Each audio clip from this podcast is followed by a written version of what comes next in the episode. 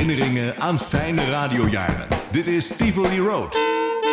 Met Mark Hermans en Ben van Praag. Dag Ben, goedemorgen. Goedemorgen. Gisteren heb je verteld dat er dus een tender naar de Magdalena kwam... eh, in een uiterste poging om een soort van eh, anker, hè, kabel met een zwaar blok aan het schip vast te maken. Maar helaas, dat zware gewicht viel tussen de beide schepen en... Ja, hoe is het toen verder gegaan met de Magdalena? Want die hadden nog steeds geen anker. We hadden nog geen ankers. Eh, we hadden wel een motor. Ik heb dat gisteren verteld. Die was ge- ge- gerepareerd. En we zijn daar toen mee aan het rondvaren geweest. Dat kon ook niet anders. Maar op een gegeven moment, alsof de duivel ermee speelde, eh, begaf ook die motor het. Oei, oei, oei. Dus die was al gerepareerd, maar toen was hij helemaal kapot. Maar dan heb je dus een schip. Een schip met eh, geen ankerketting. Een, schip zonder motor. Dat dus overgeleverd is aan de natuur. Aan, eh, zelfs in de zomer zijn er stormen. Wat gebeurde er? Eh, de wind nam dat, scheep, dat scheepje op. En eh, wij konden niks doen. We konden niet meer varen. We konden, ook, we konden helemaal niks doen. Jullie vermelden ook regelmatig van, van die codes op de radio. Maar hadden jullie nog een andere manier om met de organisatie in contact te komen? Ja, ja, dat is eigenlijk nooit verteld geweest. Maar eh, wij hadden contact met eh Oostende Radio. Dat is een, dienst toen, 40 jaar geleden. Die hadden contact met de schepen, dus ook met ons. Eh, en ik weet nog, als wij contact wilden hebben met de wal... en we konden het niet doen met die codes. We moesten, ja, konden gewoon zelf ook met onze familie eh, contact hebben. Via Oostende Radio. Dan, eh, dan gebruikten wij de echte naam van de Magdalena. Dat was de NV Centricity, zo heette die.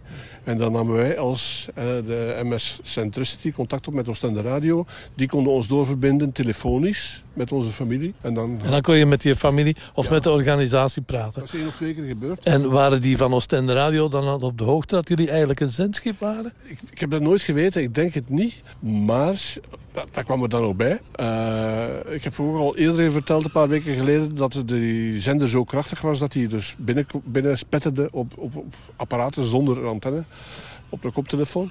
Maar ook op die zendinstallatie, op die korte golf zendinstallatie, waar wij contact hadden met Oostende Radio. Dus jullie praten met Oostende Radio en die hoorden misschien tegelijkertijd de muziek van Miami Go. Nee, want Nee, oh. hier is de catch. Als wij contact wilden hebben op die manier met de wal, dan moesten we die middengolfzender uitschakelen. Uitschakelen.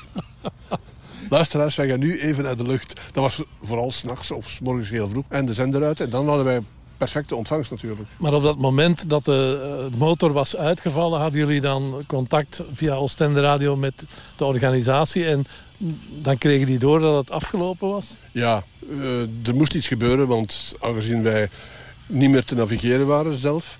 eh, dreven wij ook steeds dichter naar de kust. En je, je weet het, als je in internationale wateren ligt, mag er niks gebeuren. Maar op een gegeven moment werden wij wakker en wij keken en we zagen het strand van Scheveningen. Oei, oei, oei. Ja, daar dus, we lagen een kilometer van het strand of zo.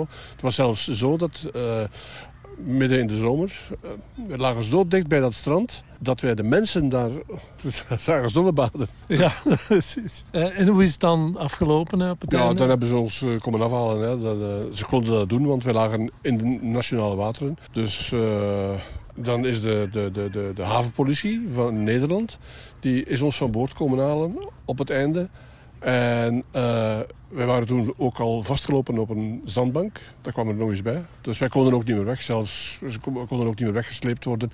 We lagen zo schuin op een zandbank. Er zijn foto's van, internet. Dacht je toen bij jezelf, nu kom ik in de gevangenis? Ja, ja, ja, uiteraard. Maar ik vond dat ook niet erg. Ik wist, ik had geen moord begaan. Hè. Dus dat is voor de volgende keer dan eh, mijn wedervaren in de gevangenis. Maar dat was een, een, spannende, een spannende zomer. Was dat. Ik vond het wel doodjammer dat die radio afgelopen was. Wij spreken nu altijd over organisatie en nam contact op met de organisatie. Eh, Is het nu in 2022? Mag ik vragen, wie waren dat? Eh, ik kende alleen van de organisatie eh, Patrick Vallin en eh Germain Boei. Die kende ik. Ah ja, oké. Ja, meer niet. Niemand anders.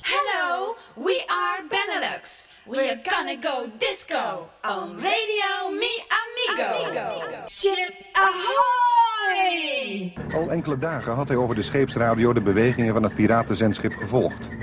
Zo wist hij dat de boot enkele dagen voor zijn opdracht in een vliegende storm was vastgelopen op de zandbank de Aardappelbult voor de kust van Goeree.